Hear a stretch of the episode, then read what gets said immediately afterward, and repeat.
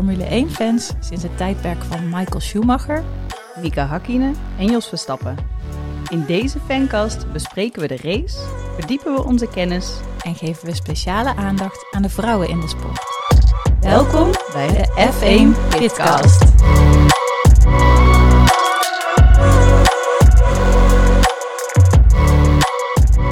Afgelopen zondag, 20 november, was het zover de laatste race van het seizoen 2022 in Abu Dhabi. We hebben samen gekeken. Eh, we vonden dat het ontzettend mooie luchten waren tijdens het, eh, het dalen van de zon daar. Ja, dat is misschien ook wel erg als je dat opvalt. Dan was de race misschien iets minder spannend. Nee, hij was niet super spannend, maar het was ook geen verschrikkelijke race. We hebben een paar keer op het puntje van de bank gezeten. Ja, dat klopt.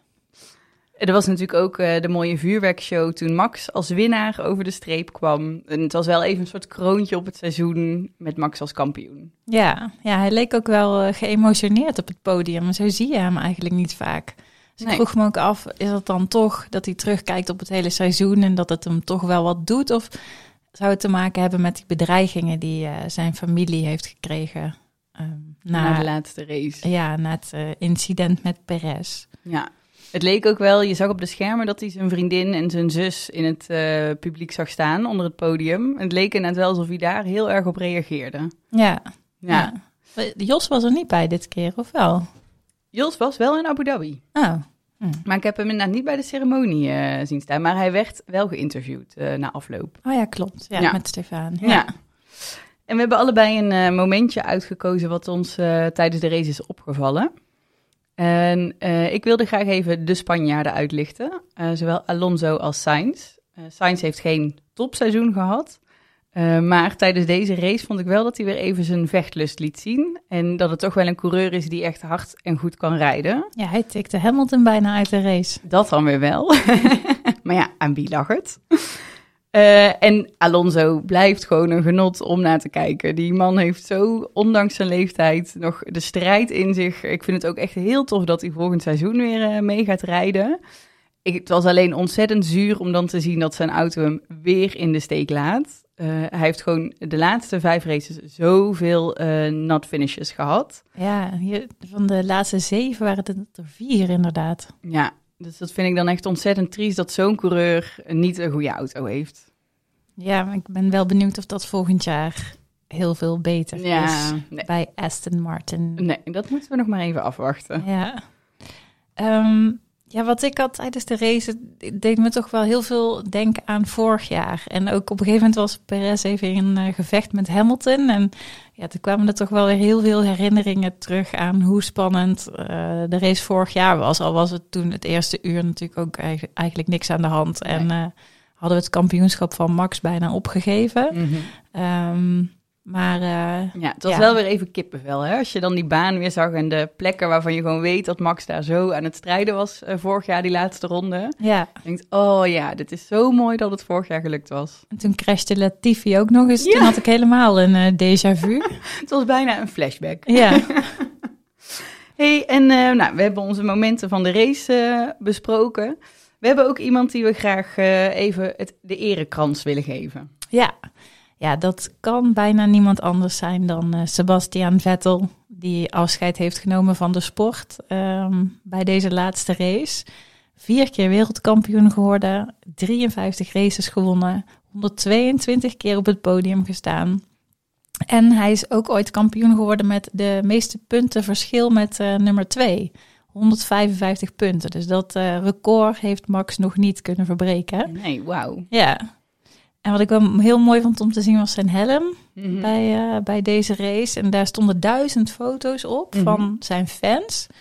En die fans hadden dus dat kunnen kopen, dat zij met hun foto op zijn helm stonden. En dan de opbrengsten gaan allemaal naar eh, goede doelen die met het klimaat te maken heeft. Mm. En dat is ook wel, vind ik, waarom Vettel de erekrans verdient. Omdat hij zoveel doet voor eh, nou, veel klimaatdoelen, maar ook Race for Women. eh, Ja. eh, Same Love of One Love heeft Mm. hij, geloof ik. Met al de t-shirts die hij vaak draagt Ja. voor de race. En het is echt wel iemand die zich ook buiten het racen om uitspreekt. Ja, klopt. Het No Racism shirt eh, heeft hij ook een aantal keren gedragen Ja. uh, voorafgaand aan de race. Ja, het is ontzettend uh, mooi om te zien. Uh, en ook leuk vond ik hoe ze een erehaag voor hem vormden met alle coureurs. En ik nog even high fives van iedereen kreeg. Je zag ook wel hoe gewaardeerd hij is bij de paddock. Ja, had je Ja. gezien dat eh, Lewis Hamilton een etentje voor hem had georganiseerd met alle twintig coureurs? Nee, had ik nog niet gehoord. Ja, ja de, net voor de race of een paar dagen voor de race zijn Hm. ze dus met z'n allen gaan eten aan één grote tafel, heel uh, gebroederlijk. en uh, Lewis heeft de rekening uh, betaald.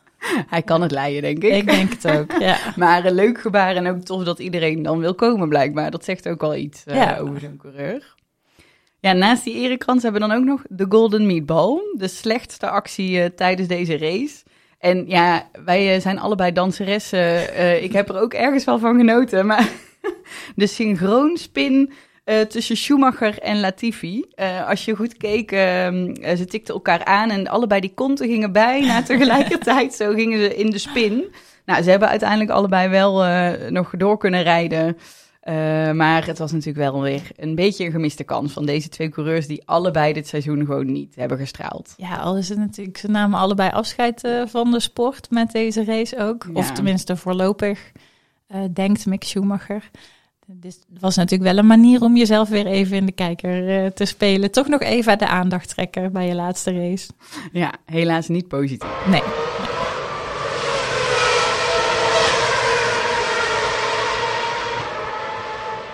Dan in de categorie opvallend nieuws, uh, wat uh, deze week naar buiten kwam. Mm -hmm. De F1 Academy, waarmee ze um, ja, meer vrouwen in de sport willen, willen krijgen eigenlijk. Ja. En waarbij de F1 gaat ook 150.000 euro per, uh, per deelnemer inleggen. Mm -hmm. Dat vind ik een, uh, wel een flink bedrag, al heb ik eigenlijk geen idee hoeveel. Volgens mij is het een fractie van wat er in een Formule 1-team normaal omgaat, maar uh, het is en een begin. Dat was het. De vrouwen moeten hetzelfde bedrag dan zelf nog meenemen. Ja. En dit is dan vooral gericht op de, de voorbereidende klassen. Dus meer vrouwen in de F2 en de F3. Ja. Om natuurlijk uiteindelijk wel meer vrouwen in de F1 te, te krijgen. Mm -hmm. En ik las dat in de F2 of in de F3, ik weet niet meer welke categorie het was, maar dat ze daar dan gaan zorgen dat de stuurbekrachtiging uh, komt, Ja. want die is er blijkbaar nog niet. En dat maakt het dan echt moeilijk voor vrouwen, zeg maar, om die auto's uh, te besturen. Ja. Dus, uh, nou ja, mooi initiatief. Ja, zeker. Ik ben wel heel erg benieuwd hoe dat dan gaat. Uh, want als je dan die stuurbekrachtiging in de andere klassen doet, dan maakt het voor vrouwen lijkt me nog steeds de stap richting Formule 1 heel erg groot. Nee, want daar zit die stuurbekrachtiging dus wel in. Uh, ja, dat is het. De toeleiding naar de Formule 1 is eigenlijk de, zeg maar, die klassen, dat zijn de fysiek zwaardere klassen wat dat betreft. Ja, al gaat een, een Formule 1 auto dan wel echt harder, dus dan Ja. zijn de G-krachten weer hoger. Ja. Um, maar ja. Uh, ja, daar raak je misschien al wel meer aan gewend als je al in de F2 en de F3 kan rijden. Ja. En het is ook wel mooi, uh, inderdaad, hè, van uh, dit is dan een initiatief voor alle klassen eigenlijk, uh, om die toeleiding te maken. Maar David Coulthard maakt zich met het More Than Equal initiatief ook nog eens hard voor vrouwen die die stap naar de Formule 1 uh, gaan maken. Ja. Ze hebben echt als doelstelling vrouwen die kant op. Ja, en dan heb je natuurlijk ook nog de W-series, die, die helaas natuurlijk dit seizoen hun seizoen niet, ja, niet konden afmaken. Maar ja, hopelijk vinden die dan ook geld. En dan heb je dus volgend seizoen in één keer drie initiatieven. Ja. Dus wie weet hebben we over een aantal jaar toch wel echt uh, die uh, vrouwelijke F1-coureur die een heel seizoen kan uh, afmaken. Het zou mooi zijn als wij vijf jaar lang podcast opnemen en dat we dan gewoon dan, dat we dan kunnen vieren dat er een vrouw een race heeft gewonnen. Ja, ja, dat zou mooi zijn inderdaad. Had je verder nog opvallend nieuws? Nou, um, ik las, maar volgens mij is het nog een gerucht dat Ricciardo weer naar Red Bull gaat, maar dan dus als derde coureur. Maar volgens mij is het nog niet bevestigd. Nee, ik heb nog geen definitieve berichten gezien. Nee, ja, ik, ik vroeg me af van, is dat nou, ja, hoe, hoe, hoe is dat voor zo'n jongen, weet je wel? Als je Ja. toch, je doet toch weer een stap terug en je, je blijft er wel een beetje bij hangen, zeg maar, ja. Mhm. Ja. En zou hij na die stap dan toch wel weer een zitje kunnen krijgen? Ja. ja, en ook omdat hij zelf heeft aangegeven eh, dat hij de competitiedrang niet meer zo voelde, is het misschien wel juist een mooie manier om wel te kunnen blijven rijden en nog actief te zijn in een Formule 1 auto, maar zonder dat je iedere zondag moet vlammen als er race is. Maar vindt hij het racen ze- of het autorijden zelf dan nog wel heel leuk? Of, Ja, dat heeft hij niet gezegd.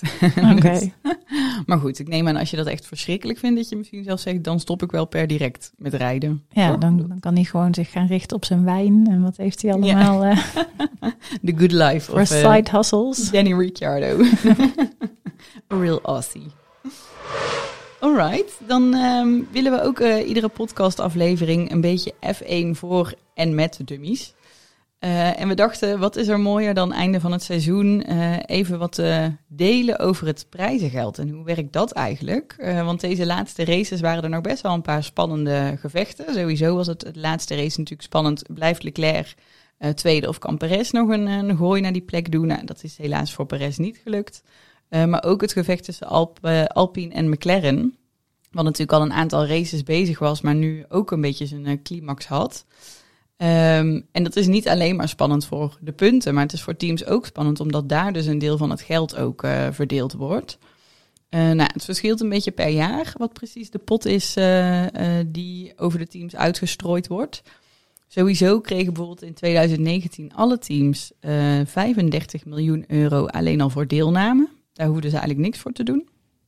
En als we dan naar 2021 kijken, eh, was er in totaal 750 miljoen aan prijzengeld eh, te verdelen. En dat wordt dan dus verdeeld op basis van de, de stand van de teams. Eh, en in dat jaar, ik pak heel even het overzichtje erbij, We kijken nu even in het grote boek van Olaf Mol. hij mag genoemd worden. Zo werkt de Formule 1 2023. Eh, het prijzengeld voor de nummer 1 toen Mercedes was bijvoorbeeld 105 miljoen. Red Bull kreeg 98 miljoen als nummer 2 en McLaren als nummer 3 92. En het laatste team dat jaar, Williams, eh, krijgt 45 miljoen. Dus er zitten nogal eh, verschillen tussen. En dat maakt voor een team natuurlijk ook veel uit wat je het komend jaar kan doen. En het is wel grappig, want dan zeg je 105 en 98, denk ik, nou ja, niet een heel groot verschil, maar het gaat om miljoenen. Ja. Hè? Er zijn wel een paar constructeurs die je daar extra voor kan eh, inhuren.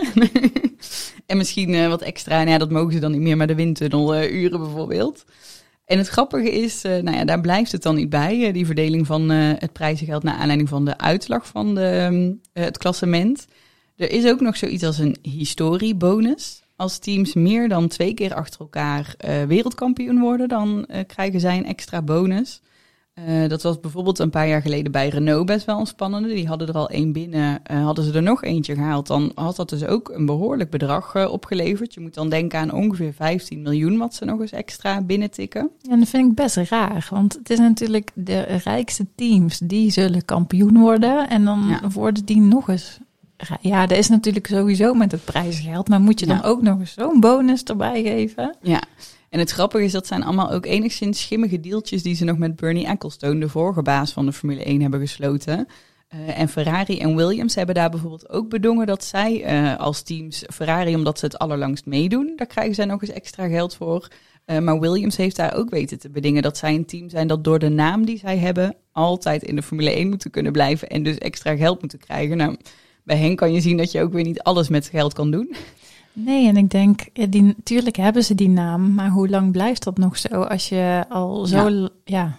zoveel jaar eigenlijk nu onderaan eh, bungelt? Ja, het is gek hè. Van ergens is het een beloning voordat ze het goed doen en is dat wel terecht. Maar tegelijkertijd ben ik met je eens van ja, hiermee hou je dus het verschil waarschijnlijk ook voor een groot deel in stand. Ja, daar is natuurlijk dan wel die budgetcap voor eh, ingesteld, maar eh, de kleinere teams komen denk ik al niet, die hebben al niet genoeg geld om tot die budgetcap te komen, denk Nee. ik toch? Nee, precies. Nee, die hebben echt niet die middelen. Eh, als je bijvoorbeeld dan kijkt naar wat een Williams dan aan het einde van seizoen 2021 in totaal heeft gekregen.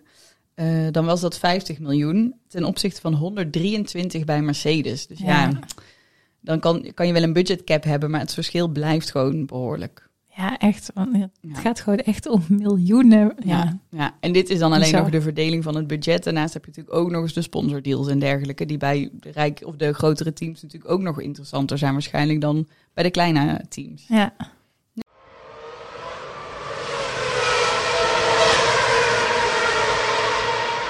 En dan willen we ook nog een eh, vrouw in de sport uitlichten, iedere keer in onze podcast.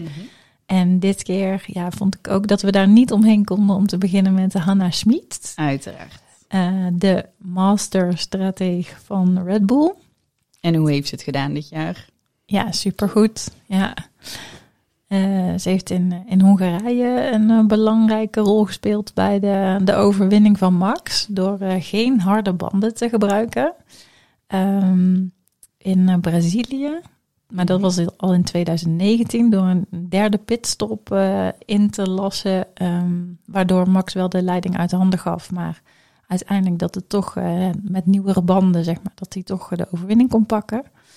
Ehm, ja, zij, zij komt uit eh, Londen, Mhm. heeft gestudeerd aan Cambridge en is werktuigbouwkundig ingenieur. Heeft altijd al heel veel van auto's gehouden en eh, was altijd al heel erg geïnteresseerd in hoe dat dan allemaal werkte, die, eh, die auto's. Mhm. Ehm, heeft in 2009 heeft ze stage gelopen bij Red Bull en in 2011 werd ze al senior eh, op de strategieafdeling. Echt een reizende ster. Ja, echt, dat ging heel snel al eigenlijk. En in die jaren heeft ze ook eh, bijgedragen aan die kampioenschappen van Vettel al. Dus ze zit er eigenlijk al heel lang, maar ze is pas net voor, voor mijn gevoel eh, ja, wat meer naar de voorgrond. Of inderdaad, hè, dat Max haar, eh, haar specifiek noemde en dat ze zo insanely calm was. Ja. Dat vind ik ook wel echt super knap. Maar zo, sowieso van al die ingenieurs Ja. natuurlijk. Van hoe, ehm, ja, hoe blijf je aan zo'n pitmuur eh, zo kalm? En hoe kun je in enkele seconden gewoon eh, inspelen op de veranderende situatie op de baan? Ja. En blijkbaar is zij dus om de race is zij erbij aan de, aan de pitmuur. En eh, de andere race zit zij dan in Milton Keynes. Hm. Dus in de operation Fabriek, room van, van ja. Red Bull. Mhm. En ze heeft blijkbaar dit jaar, dat heb ik toen helemaal niet zo heel erg meegekregen, maar na Zandvoort heeft ze heel veel ook bedreigingen Oh. over zich heen gekregen. Omdat eh, Yuki Tsunoda toen heel laat nog eh, crashte. Ja. En daardoor kwam er een safety car. En eh, mensen zeggen dan van daardoor heeft Max kunnen winnen. Want die had eigenlijk te oude Mhm. banden en die zou ingehaald worden. Ja. Maar doordat Yuki eigenlijk net op het eh, goede moment crashte, ehm, ja, heeft Max toch kunnen winnen. En mensen beschuldigen haar er dus van dat, eh, ja, omdat Alfa Tauri het zusterteam Mhm. heeft, dat zij dan orders zou hebben gegeven. Of in ieder geval bedacht dat dat zou moeten. Ook wel grappig dat die mensen er compleet aan voorbij lijken te gaan. Dat als je Yuki Tsunoda over een teamradio zou vertellen... jij moet nu crashen, dat we dat sowieso in de openbaarheid krijgen. En dat Yuki dan ook kan zeggen, weet je wat, ik rij lekker door. Ja, misschien eh, hebben ze allerlei moeilijke codewoorden afgesproken of zo. Hè, dat, dat niet zo letterlijk zeggen, maar ja. Er was natuurlijk ook vorig jaar het verhaal wel met Latifi, dat dat ook allemaal Ja. wel heel toevallig was. Maar Ja, wat moet je eraan, eh, welk gewicht moet je daaraan geven? Ja, Ja, maar het is wel heel gaaf om te zien dat ze het zo goed doet, inderdaad. En ik denk ook wel, ze durft best wel gewaagde keuzes soms te maken. ja, Eh, en inderdaad, wat jij zegt, die split second waarin je soms moet beslissen. Van Red Bull lijkt vaak echt on top of their game. Dat ze gewoon heel snel eh, zien of weten van... hey, dit is hoe we met een, een speciale situatie, zoals een safety car... of dat soort omstandigheden, hoe we daarmee om moeten gaan. En ja, daar heeft zij volgens mij een enorm belangrijke bijdrage inderdaad bij ook. ja. Ja, ik vind het sowieso wel echt interessant hoe dat... Weet je, ook met al die, die mensen die dan in die fabriek zitten te rekenen... dat er gewoon zoveel mensen voortdurend Ja, allerlei berekeningen laten maken door de computers. En eh, ja. daar willen ja. we in de komende aflevering ook wat meer aandacht aan gaan besteden. Van wat voor type eh, mensen heb je nou ook werken in zo'n team? Ja. Want je ziet er inderdaad maar een handjevol bewijzen van eh, tijdens zo'n raceweekend. Maar er zijn er natuurlijk inderdaad zoveel, ook achter de schermen aan het werk. Ja, Mercedes heeft er meer dan duizend, geloof ik, werknemers die echt alleen maar voor dat team eh, werken. Ja, wordt een goede Ja. kerstborrel, denk ik. eh. nou, we gaan iedere podcast ook eh, wat media dingen bespreken. Dat kan een boek zijn, dat kan een serie zijn. Maar deze keer willen wij heel graag een andere podcast uitlichten die wij allebei heel graag luisteren. Dat is Beyond the Grid. Het is ook een beetje de officiële Formule 1 podcast.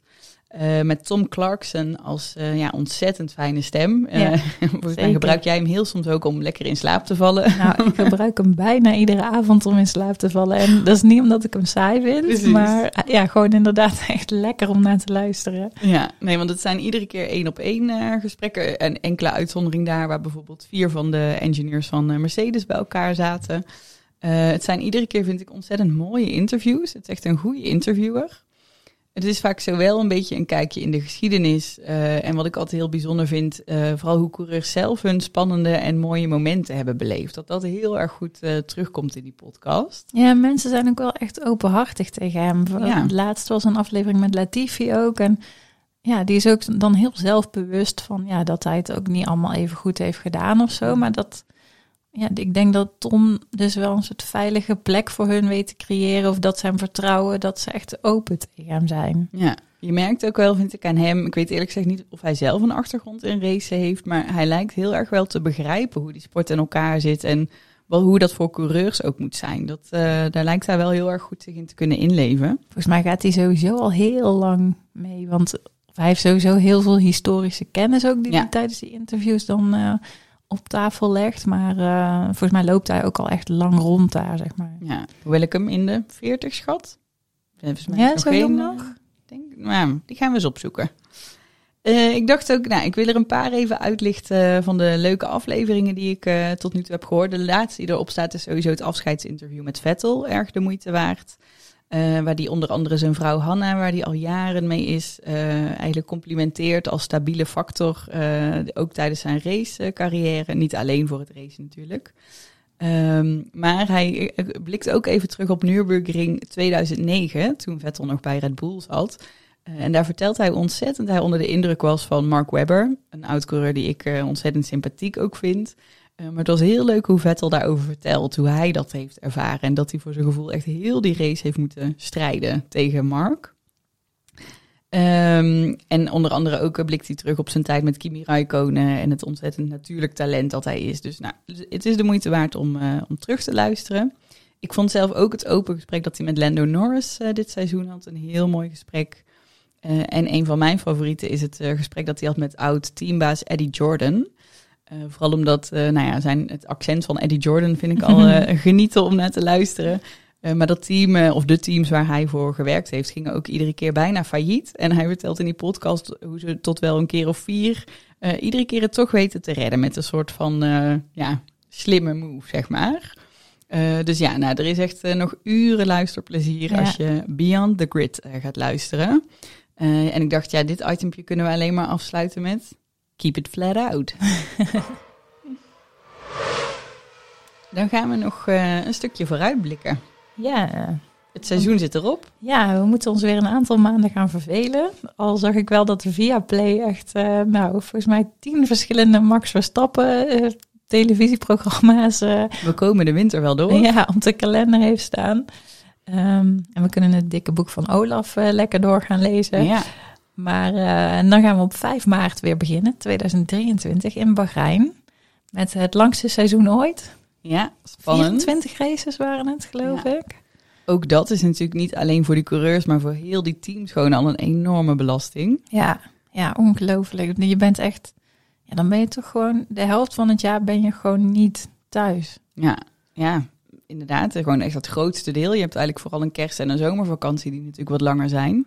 Maar voor de rest ben je continu eh, ja, op weg. Ja, en dan in al die verschillende landen met die verschillende tijdzones. En ik, ze zullen ook geen korte werkdagen maken. Dus eh, Nee, ja, echt wel eh, bewondering voor de mensen die in die sport werken. zeker. Ja, Al is het natuurlijk ook wel een van de leukste banen die je kan hebben, denk ik. Maar ja. er zit ook ook, een bijzondere plek. ja, er zit ook zeker zware kant aan. Ja. En kijk je uit naar het nieuwe seizoen? Ja, natuurlijk. Ja. Ik vind het wel spannend. De laatste races dat Mercedes weer eh, toch zo sterk was. Ja, En eh, ja, aan de ene kant is dat natuurlijk ook leuk. Dan als je echt weer een spannend seizoen krijgt. En drie teams die echt gaan strijden voor de overwinning. ja. Maar ja, ik hoop toch wel dat Red Bull eh, sterk blijft. En dat Max een eh, derde wereldtitel kan gaan pakken. Zeker, ja. Maar inderdaad, een beetje competitie mag wel. Want nu lijken we soms ook wel te vergeten, doordat Max toch redelijk op tijd wereldkampioen is geworden, dat het begin van dit seizoen ook ontzettend spannend was. En Ferrari eigenlijk lange tijd echt wel de gedoodverfde wereldkampioen leek te gaan worden. Ja, Dus ik zou het inderdaad heel tof vinden als die teams, en wie weet, eh, wie komt er goed de winter door, eh, dat we toch weer een heel spannend seizoen eh, tegemoet gaan. ja en omdat die reglementen natuurlijk nu wel hetzelfde blijven, kan het zijn dat de, dat de teams echt wel weer allemaal dichter bij elkaar gaan komen. Dus zeker weer heel veel zin. Ja, wordt een lange winter, maar we kijken er naar uit. Ja, en dit was dan onze eerste eh, aflevering. Ja, dankjewel allemaal voor het luisteren. Yes, wij gaan zelf nu dus ook meteen maar even met winterstop. Uh, maar we hopen in maart wel uh, bij jullie terug te keren. Tot dan. Tot dan.